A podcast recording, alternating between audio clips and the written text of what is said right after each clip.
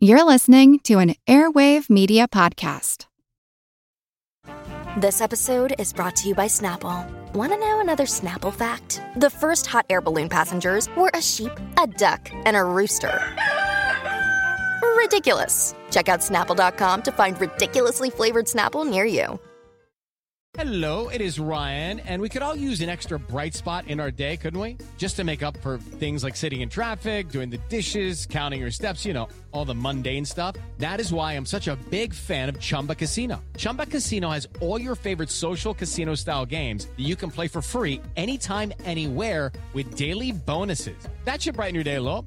Actually, a lot. So sign up now at chumbacasino.com. That's chumbacasino.com. No purchase necessary. VGW Group. Void were prohibited by law. See terms and conditions. 18 plus. This is Kick Ass News. I'm Ben Mathis.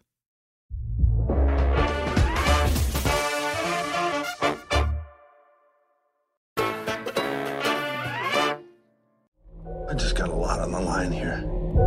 I mean, I screwed up my whole life. That's why I need to get to the moon. I go up to the moon, I'm a hero. Well, I'm with you, Cap. Let's show NASA that we know what we're doing. Our water tank is empty. I've started up the urine recycling machine. That is very salty. Welcome to Moonbase 8. This is a very valuable NASA research project. Launch sequence beginning in nine, eight, Nine, seven, eight, six. Five, Stand by. Let's sync up. four, Abort. three. Abort. Stand by, Cap. launching. That was John C. Reilly, Tim Heidecker, and Fred Armisen in Showtime's new comedy series Moonbase 8. Set in the isolated desert of Winslow, Arizona at NASA's Moonbase Simulator, Moonbase 8 follows three eager astronauts, Skip, Rook, and their leader, Cap, as they attempt to qualify for their first lunar mission. While working vigorously to complete their training, a series of unexpected circumstances forces the astronauts to question their own mental sanity, trust in each other, and whether or not they're cut out for space travel. And today, I'm happy to be joined by the co star, co creator, and co writer Tim Heidecker, who talks about his character's very different sort of mission to the moon, how the four comedy geniuses, including director Jonathan Krisel, collaborated on every aspect of the series, and what it was like to visit NASA's Jet Propulsion Lab and SpaceX headquarters as part of their research for the show. Tim also discusses how Bob Odenkirk gave him his first break, the borderline obsessive cult following for his adult swim series Tim and Eric Awesome Show, and how one Tim and Eric sketch got the attention of QAnon conspiracists. He also gets into how his other series on cinema plays on everything from social media influencer culture to the rise of the alt right. Plus, Tim weighs in on the Moon versus Mars debate, his tongue in cheek run for San Bernardino District Attorney, and more. Coming up with Tim Heidecker in just a moment.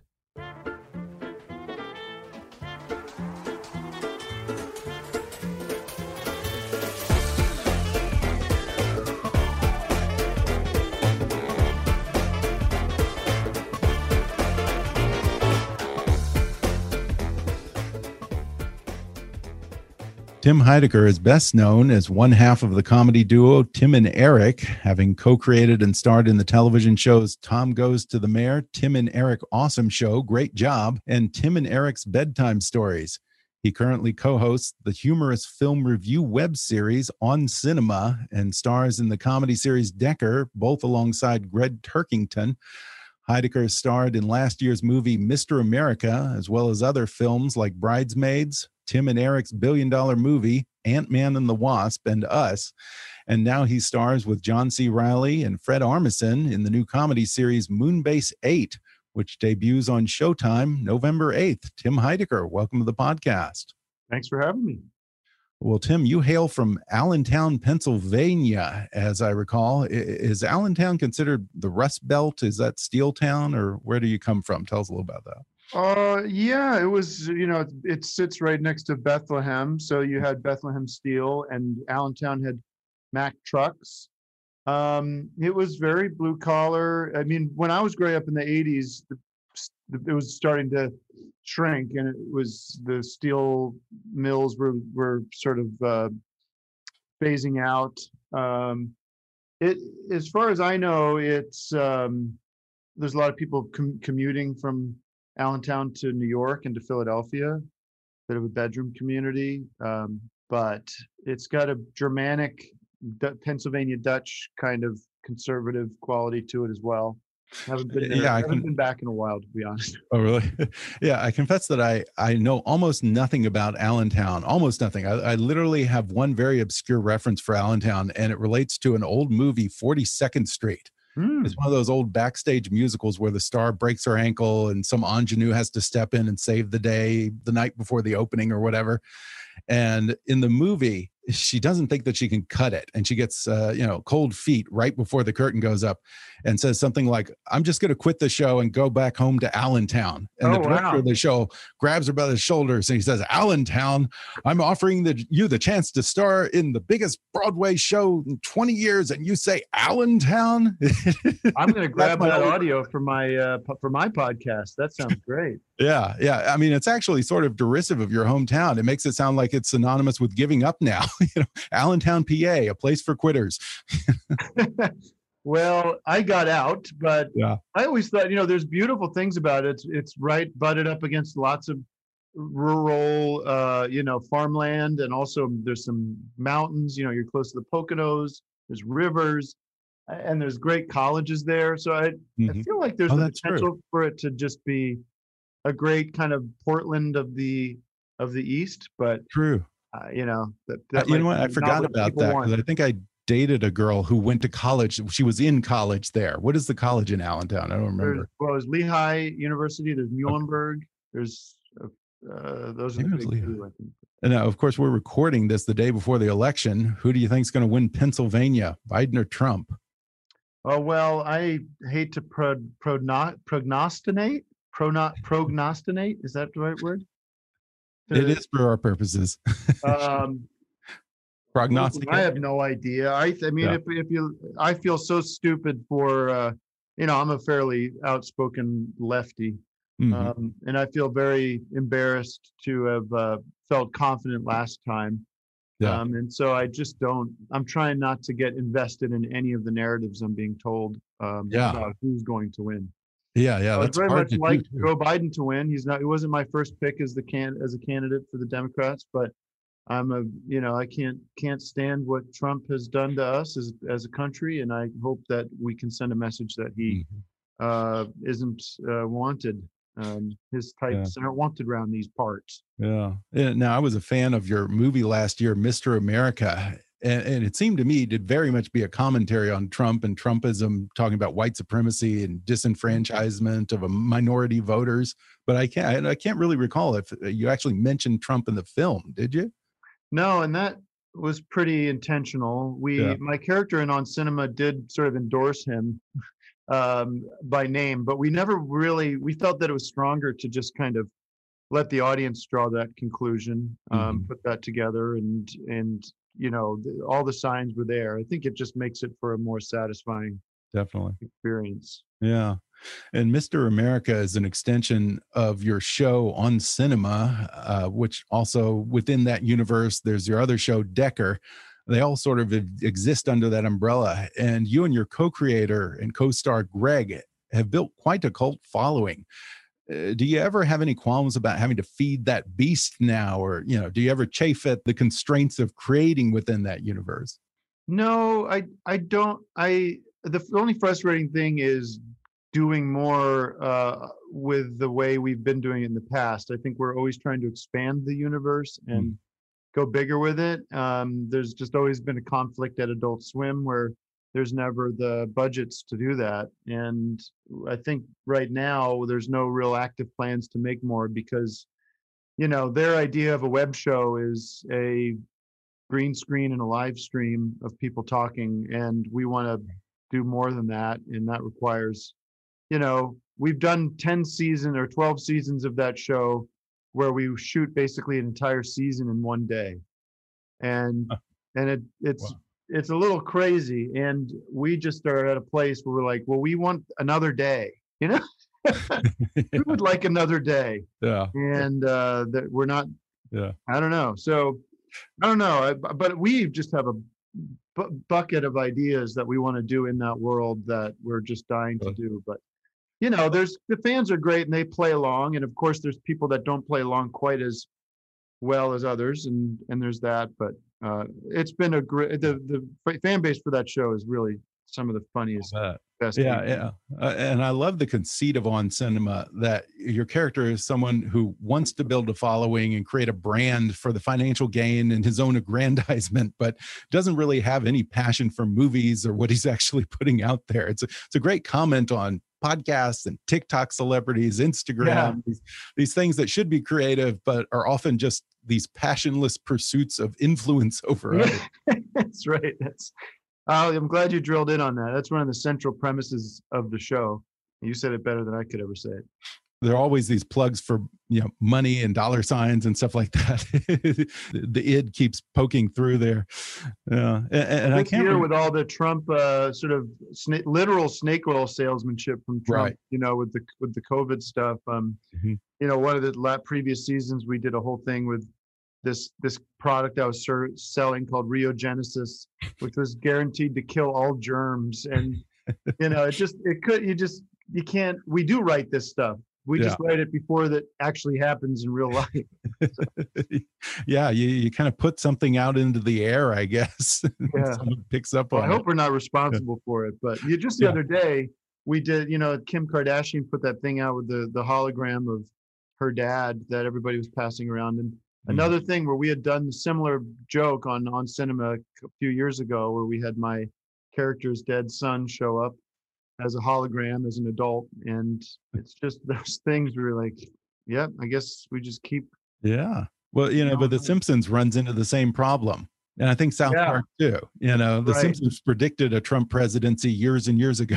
So, Yeah, Yeah. I guess it's true. Yeah. You you you write the absurd you write the absurd stuff because it's Mm-hmm. absurd and funny, and that's entertaining for people. And then the absurdities become realities. Yeah.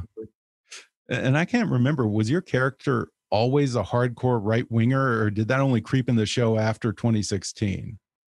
I think it's crept in a little earlier than that. We had, you know, I think we forget. Maybe I don't forget, but the, the this has been going on with, you know, with Sarah Palin from 2000. When was that? 2008. Yeah, yeah. uh, you know, and then the Herman Cain presidency. There's or Oh, Herman yeah. Cain candidacy, not the presidency. But there Yeah. have been this kind of on the right, this sort of um, devoid of seriousness, uh, c- cartoonishly, uh, you know, absurd characters coming into the political spectrum. You know, I think Sarah Palin's kind of the the first really big one that I can remember being kind of like what the hell is going on you know and and that's starting to affect my um writing i guess that you could you could present these extremely arrogant um know nothings as comedic Yeah. characters And I remember you did a whole album of Herman Cain parody songs, didn't you? yeah Yeah. yeah, I, I remember seeing that if you remember that commercial that came out for or a campaign ad which was his campaign manager and he was smoking he was smoking that cigarette Yeah. in the commercial and it felt like it had just been made like on an iphone like the first Right. iphone you know um and it was so hilarious and shocking that that was what there was they were putting out there. I went home and just started writing this song as if from the perspective of kind of a an insane person who was a big fan of herman cain and and that just became a nice vessel uh to keep writing Did you ever hear what he thought of what you were doing? Did he maybe even took it seriously? On his were- deathbed he uh he he passed on his appreciation for the uh, attention i gave him no Oh, I. I never heard any word Yeah, we just lost him. Uh, I guess he he didn't have access to Trump's special magical COVID elixir or something. no no i guess not Speaking of that, I know that you've also had a music career over the years. When you were young, what was your big passion? Was it the music, the acting, film? Did you view one as your main path over another? I, you know, I think music was always front and center growing up because uh, you could do it. You could do it with your friends, and you could get a a four track machine and make a demo, and you could make posters and write songs. The comedy thing really felt so far away, and you know, very few co- comedians are very funny when they're young. You know, there's a lot of you think you're funny and you you you you and your friends joke around, but I think that takes a little more living to to build up sort of Yeah. something that is worth here showing people. Same for the music. I mean, my my music wasn't great either, but uh, yeah. So uh, then you know, I kind of shifted to film and thinking I could work and make, you know, be a part of making movies in some way. Um, but again, comedy was like Jerry Seinfeld. It was big on the. It was just not something we we thought about as like a, a thing we would ever do. Kind of like fell into it through making videos and making what we thought was kind of like little art projects and and that kind of intersected with something that was happening on the internet and you know here we are today Yeah, but but I mean, you know, when you were growing up, say in high school and stuff, you're you're about the same age as me, so you probably remember the days when we didn't have Final Cut back then. you know, the kids today they have access to everything. They they could be making you know commercials for mainstream television and stuff. yeah we just had a, access to. a, a handy cam like an eight eight Yeah. millimeter handy cam the family home movie recorder that you could do some like in camera edits with and that was about it you know we didn't have any way to put anything together Yeah. And where did you meet Eric Wareheim? Was that in college? Your your Tim and Uh, Eric? yeah, we went to uh, Temple University in Philadelphia, and uh, we're in the same film program together. So we were similar classes. We ended up being roommates for a while, and Now, if I have this right, you guys were still plugging away on the East Coast and making these low budget sketch videos when I guess Bob Odenkirk, of all people, discovered you and gave you a big break, right? yeah, he uh, we we we kind of sent it sent our our early stuff to people that we admired and saw some of ours our influence or their influence in our work. Mm. And Bob was not, of course, the household name he is now, but for us, he was kind of a comedy legend. And he he was in a place in his life, I think, where he was really interested in. I think he still is, but I think at the time he was really open to helping and finding new comedy talent, and he saw that in us pretty much right away, and and really was a, a guiding force in, in our lives for many years after that. Uh, yeah, I was just talking to Jack Black and Kyle Gass, who have a pretty similar story. And I think there are a number of stories like that. Uh, Odenkirk just is very generous in that way and helping young comics out. And, I, you know, I, it's weird because I don't know if he feels an obligation to pay it forward and uses his own success to advocate for others, or if, you know, as I suspect, maybe the, the, the, he's just such a comedy nerd that Mhm. when he finds someone funny, there's almost this selfish need to see that person succeed and see them create more of what he likes and enjoys. I think it's probably a little bit of both. He, Yeah. he really cares about it and he has a lot of opinions about it. Mhm. And there's a, of course, there's just a lot of stuff out there that, you know, you, that doesn't pass the smell test Yeah. for a lot of us picky people. Uh, so there's no greater joy that I've had than in my professional life than showing Bob something and him like, like laughing like a like an like an idiot at it, you know, and just that's such a cool experience. It's happened a few times. A lot of times it's like great, great, you know, like this is great, getting that it's working. But then when when you can get him and knock him in the stomach and knock him over or something, it's pretty pretty cool. Yeah, yeah. I'm trying to remember the sketch that he did. There was one where I think David Cross was, oh no, he was directing David Cross, right? On our show, Yeah, that There was a- could be. I- Is it yeah, I like uh, I'm trying to remember the whole. you know what? I you'd have to ask our audience because they know Yeah. the show way Oh better yeah, than we do. they're hardcore. We're going to take a quick break and then we'll return with more when we come back in just a moment.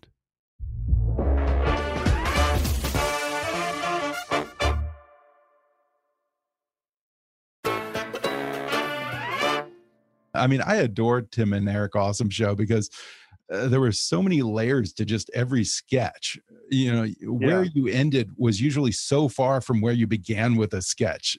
no sketch was ever exactly what you thought it was going to be. Yeah, we were we had a very um, you know short attention span. We we we very much wanted this show to be funny on multiple levels and to Mhm. never tire. You know, we coming from something like not that we came from this, but the the sketch world of Saturday Night Live, where you had to fill 90 minutes, is very different than a sketch world where you have to fill 11 minutes. And Yeah. we wanted to pack in as much as we could in those 11 minutes and never hang on anything that wasn't was had lost its charm, you mm-hmm. know. So it it made it, you know, it made it a a fun experiment to try to ju- get out of something as soon as it stopped being funny, you know. Yeah. Uh, Yeah, and you know the other thing that I think really distinguished it from other sketch shows is uh, there was this really unusual human element to it because you know even though it was all for laughs, you still revealed all of these fundamental frailties and insecurities that everyone experiences. Oh, well, thank you. I I think we were always interested in in the frustrations and uh, you know complications of modern life, and Mhm. those were some of my favorite sketches too. And I think about the sketch where Eric is just trying to do something at this ATM, and he has to keep writing his these insane things in, and he, this this voice activated thing is mishearing him, and they keep saying Targus, Yeah. Targus and he's getting more and more frustrated. And I feel like, yeah, we all experience that probably on a daily basis these Yeah. days. And when you and Eric were tossing around ideas for sketches, was there sort of a mental idea of what a Tim and Eric sketch should be? What was that process like? Yeah, it it's- like it's now? Almost, it's almost like what a Tim and Eric sketch wouldn't be. It's almost like a process of elimination. Okay. Uh, we wouldn't ever really want to do anything that eh, that felt uh, racially uh, motivated, if, or sort of like identity politics kind of Yeah. Sketches, or certainly not current events um, politics. There are just there are certain things. It's like I, I don't know how to explain it, but there are certain things that uh, are funny in the Tim and Eric world, and certain things that aren't. And we Mhm. kind of just intrinsically knew there are a lot of very funny people that we knew wouldn't work on the show. You know, that just didn't fit the vibe. Like I don't know, even like Jack Black, who I love and was on Tom Goes the Mayor. We always felt like would him being on Awesome Show take us out of the show in a weird way like Mhm. certain certain levels of celebrity didn't work because it, then it felt like too inside hollywood or something but Yeah. yeah i don't know it, it it was a weird thing it was a gut feeling of like eh, it doesn't feel like our show Yeah. So- it's interesting that you mentioned the casting because uh, one of the things that made it so fun and so interesting was that so many of the people seemed very close to the characters that they were playing or Yeah. they, they didn't seem like central casting some actor coming in for a particular role there was a certain Mhm. authenticity that came across a lot of times yeah we realized that pretty early that we loved you know the re- real people and and what's funny about real people and Mhm. we definitely didn't want to do something where we had like a sketch comedy 30 year old wearing a, a white wig and had age makeup to play an older character Mhm. so and we didn't want to have like a sketch troupe you know we didn't we just did there's th- certain things about Yeah. sketch comedy that we just really didn't like personally you know and and so it's i think the first episode of that show we had somebody play my dad and it was this guy richard dunn who god was just so funny naturally and just looked funny and had a funny attitude didn't belong on a sketch comedy show but Mm. he had natural instincts of being funny you know he's just a funny guy um so that that kind of uh inspired us to Yeah. continue that approach Is it true that somehow uh, the QAnon conspiracy latched onto something from the show? I, I don't know what sketch or what episode that would have been, but somehow there's Yeah, a QAnon well, connection, which surprised me. yeah i mean there's it's it's insane and it's Yeah. complicated but Uh. There was this this child clown uh outlet that sketch the running steve mahanahan's child clown which was just Oh, I love that sketch. Yeah, was so weird.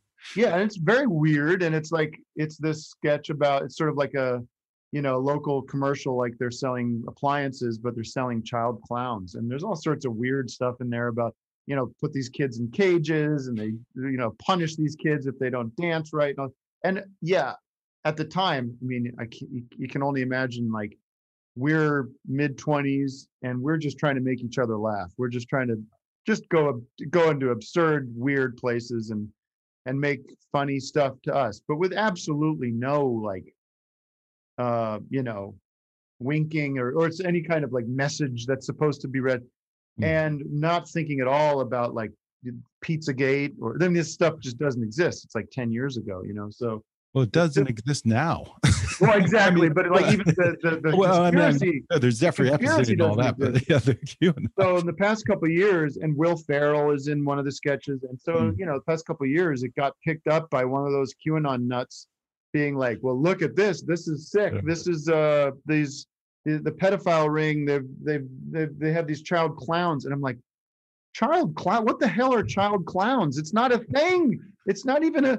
It's just absurd." Yeah. And um, so it's wild, but it's just it's just crazy to see stuff dug up from your past where it's like the Yeah. context you have to remember we were just trying to make stupid stuff we had no hollywood pedophile ring associations that, and there aren't any right so Yeah. you just start it's the more you know Yeah. the more you talk about it the more nuts you start sounding and and that's Right. part of the i think that's part of their strategy is to just Mhm. Drive you nuts Yeah, yeah, yeah. It's amazing. It's a weird world we're living in right now, at least for the next day or so.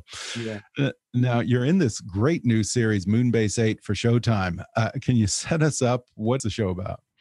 Well, it's about these three guys who are in a NASA training program to live on the moon, on a moon base. Um, and in the show, the idea is that NASA, you know, or maybe a few years in the future or something, where there are people going up there more regularly, which is kind of happening or about to happen, I think, in the next few years. Um, and but it's essentially, you know, like th- the Three Stooges go to the moon or something. It's like these guys are certainly not qualified to uh, to do any of this, but we we like to think, you know, this is Moonbase eight, and there are there's lots of them going on. There's lots of lots of uh, uh, training exercises going on. I think you know, without giving too much away, I think NASA's probably learning more about the experience than the guys are. You know, uh, so. But it's really just a, a sl- slightly um, transparent excuse to get me, Fred, and John together to try Yeah. to make some some laughs happen for everybody. And we ended up really having fun doing it. And I'll bet. and you know trying to find a way to do a show about space or about you know the space program that's not super cynical that's not making fun of it. You know we, we generally love um, the idea of exploring the universe and the science that goes behind that. And we kind of wanted to maybe make a show that made you feel good about that idea and root for these guys that even though it's a comedy that there is this sort of you know romantic idea of that we all have about hmm going going out there into the world into the universe Yeah, I think it's hilarious. It's honestly the funniest new series I've seen this year. A- And, we've had a number of not so great space comedies come out this Yeah. year. Space Force was pretty meh. Avenue 8 was really bad, in my opinion, uh, despite these stellar casts and huge showrunners like Greg Daniels and Ar- Mhm. Armando Iannucci from Veep. Yeah, I guess the secret must be to make a show about wanting to go to space rather than actually going there. that might be it it i mean i don't know i don't want to slag those other shows i i, I think i kind of stayed away from watching because i didn't want to be uh well we made this kind of before those shows or maybe while okay. they were making them it wasn't it wasn't certainly after but um i can i guess i'm glad to hear your opinion of it um and that you liked our show but oh, yeah. Um yeah it wasn't so Very much about the sci-fi of it. It was really kind of about the interpersonal relationships and the conflicts of these three guys and anything where the stakes are really high but it's also kind of fake is funny to us. Um Yeah. you know guys pretending. It could have been easily a show about civil war reenactors you know? Anything where it's like Yeah. John is so such a great actor and so committed, and the idea of him like suiting up in, in a spacesuit to go outside in the desert in the Arizona desert is funny. But Yeah. yeah, maybe you're right. It's about it's about wanting to go, not necessarily having to go. Yeah, I, I Yeah. think it is so damn funny. Like I said, Thank the you. best best new comedy that I've seen this year. Oh, and, and all of you are great in it. Is this your first time working with Fred and John? No, well, I've done John. John and I've done Steve Brule together. The the uh, check it out with Steve Brule. Okay. um, for a long time. But and uh, Fred's done some awesome show, uh, and I did a Portlandia episode. So and uh, Okay. we've just been really good buddies. Like we, Fred and I and John, we all have this shared love of very similar. You know, we love the Beatles. Fred and I are kind of uber geeks about the Beatles. Like we read every book that comes out, and so we you know, have a, a really easy, loose uh, friendship. We love we love um, doing bits and being silly and or no, silly is the wrong word, but you know. Um, so it was just a the show was really like you know how can we get together and do something that we'll be proud of, but also that would be fun to do together. And in some descriptions, I've seen you and the director Jonathan Krisel listed as showrunners for Moonbase 8, but then I've also seen all of you listed as co-stars, yeah. co-writers, and co-creators. That's the way that yeah, I don't know where that, I saw some some promotional thing for, okay. for an Australian network that was broadcasting it oh, really? from the mind of Jonathan Krisel. And it was like, okay, that's not exactly accurate, but whatever. uh, no, it was very like equal four four of us equally coming together to do this together and we yeah. all of course did uh, had different roles at different points but um, you know we brought i worked with krisel he was our editor and director on the first things we ever did um, right. but you know he came in and helped shape it as far as making it look great and the story you know making it feel like it had some heart and it had characters that were fleshed out more and and you know a show that that isn't just us goofing around frankly mm-hmm.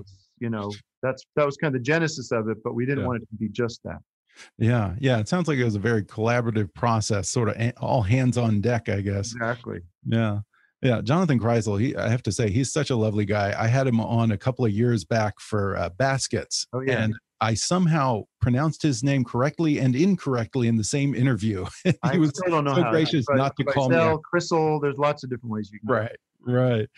And each of these three astronauts has their own motives for wanting to go to the moon. I don't want to give away too much here, but mm-hmm. you know, John's trying to redeem his reputation and recover from a failed marriage and a mountain of debt. In Fred's case, he's following the footsteps of his astronaut father and has some issues around that. Uh, tell us, why does your character want to go to the moon? Well, he's been sent on a mission by his uh, pastor, so he's sort of a evangelical Christian, uh, and in a very kind of broad comedy sense, uh, we find that he's got a dozen children, young children, uh, sort of that. What's that show? Kate, eight, and Kate makes. Oh yeah, yeah. whatever that was, sort of that world. Um, and I think there's this sense that maybe the pastors suggested this because he's got uh, ulterior motives at the at, at the home at the home there. Um, but yeah, this idea that made us laugh that there was this guy that whose mission was literally a mission in the sense of a missionary uh, project to go out there and be the. I always liked, you know, in shows like MASH, they had that chaplain. There's always like kind of a, a sort of benign religious presence in these uh, in these kind of shows yeah. that that we thought was funny. Uh, yeah, and it's funny the idea of being a missionary to an uninhabited rock orbiting the Earth shows you where the American priorities might might lie. Yeah, uh, and NASA has taken some hits in recent years, and in one episode, you actually reference this relatively new turn of events, which is the fact that NASA suddenly now has all this competition from the private sector, SpaceX, Branson, Bezos, and so on. Yeah, it sounds like you're still a NASA true believer, though, from what you said earlier. I think so. I mean, there we we did some research and and did some field trips. We went to JPL in uh, Pasadena mm-hmm. here, and it's where they you know the the rocket program began. And yeah, they're really this you know it's really neat to see that there's this pure scientific uh, academic kind of pursuit. And I actually asked them like, what is the goal? You know, what is the mission here? Uh, what is the purpose of your of JPL? And they're literally sort of just looked at me and said, you know, to better understand the universe, to discover, to you know, to know more about who we are and what's out there. And that's basically it, you know, and all the stuff around it about uh, the the this mechanics of of the rockets and the physics of it and, and all that stuff are kind of all in serving that purpose. So that that is really inspiring to me that there's people that go to work every day to to do that. Um, on the other side of town is SpaceX, where they're you know literally building rockets, um, and there's people running around, and it feels like you're at like Google with the amount of you know hoodies being worn and and people with mohawks and stuff, and and there's a real different energy, which you know, ultimately, you know, they they each serve each other in different ways. So hmm Uh, yeah, and I enjoy how you kind of touch on that in one of the episodes for the show. yeah, Uh, you bring in one of these companies into the picture, It- it- it- but it does sound like, from what you said about JPL, that NASA is still populated by starry-eyed dreamers, and whereas you know, I don't know, SpaceX, Branson, and Elon Musk, there seems to be a lot of ego to it with them. I think. Yeah, I think so. Um, I think there's part of it that maybe those guys really do feel like this. Uh, I know Jeff Bezos does has this like always has this, uh, and it's partly ego and and extreme like narcissistic tendencies to think that they're the ones to do it. But Right. it is this idea of like, who else is uh, gonna step up? Because somebody's got to. We have to start making some big moves. You know, like this planet's not going to be uh, habitable uh, forever, no matter what go- what happens. So if the if the life itself continues, it's going to require us to get comfortable with Yeah. spreading out a little bit. Uh, yeah, and you kind of get into the whole moon versus Mars idea in this show. Some people think that going to the moon's a waste of time. You know, we should maybe focus on Mars. Others think that we need to go back to the moon and use it as a first stepping stone to Mars, and sort of a launching point of sorts. Uh, which camp do you fall into, or can you do both? I think you have to kind of do both, but we did kind of ba- go back and forth on this as we were writing it. We kind of stuck with Moonbase. Moonbase, the title came like, God, that's just a good title, you know, like we don't want to lose that. And, uh, there's something kind of romantic about the, the moon, and we've been there before, but I do. It's funny. We almost did switch it to that. It was good- we were going to be training to go to Mars, and because that, that at the time we were writing it, that was a little more in the news, a little more Mhm. sort of realistic. But since then, it's really kind of going back to the moon again, and it is a you know you there is a real practical reason to go to the moon. There, it's there, it's right there, and you know you can use that, like they say, as as a much more efficient and affordable launching pad to go to Mars. So. Mhm. I feel like the moon is in vogue, and we, I guess, found water there the other day. Oh yeah, So all good promotional, um, you know, preambling for for our premiere, which we're appreciative. Yeah, yeah. Coordinating that so well. Yeah, I think there's also something sweet about these three guys. While all the private sector is focused on going to Mars and doing these big quote unquote moonshots, but much Yeah. bigger goals, and these guys are still romantically fixated on going to the moon. There's something charming about that, isn't there? Yeah, yeah. it, it harkens back to the the '60s and and sort of the the original space mm-hmm. race. Yeah, and, and I love this idea that there are other moon bases that are competing. You know, it's almost like I'm waiting to see if this is going to turn out to be a reality show. Right, right. Yeah. yeah i i think um by making the show you know we learned a lot about uh what's what works and what doesn't and Mhm. and it's it's a fun thing to think about making more because you learn we learned so much about the, sh- the characters by you know making it that you Yeah. want to find out yeah where what is where is this all going and are there other uh, the it, it opens up a whole world of, of are there other moon bases and how did these guys get in the program like you know you could Yeah. if you want you could go backwards you could you could go and see them up on the moon like you know anything's possible in the future Yeah. so Yeah. Yeah. I hope they get a second season, a third season, fourth season, and who knows? Because I, I I really found it so damn funny, and I really hope Oh, people thanks. watch it. Uh, again, Moonbase Eight premieres on Showtime Sunday, November eighth at 11 p.m. Eastern and Pacific.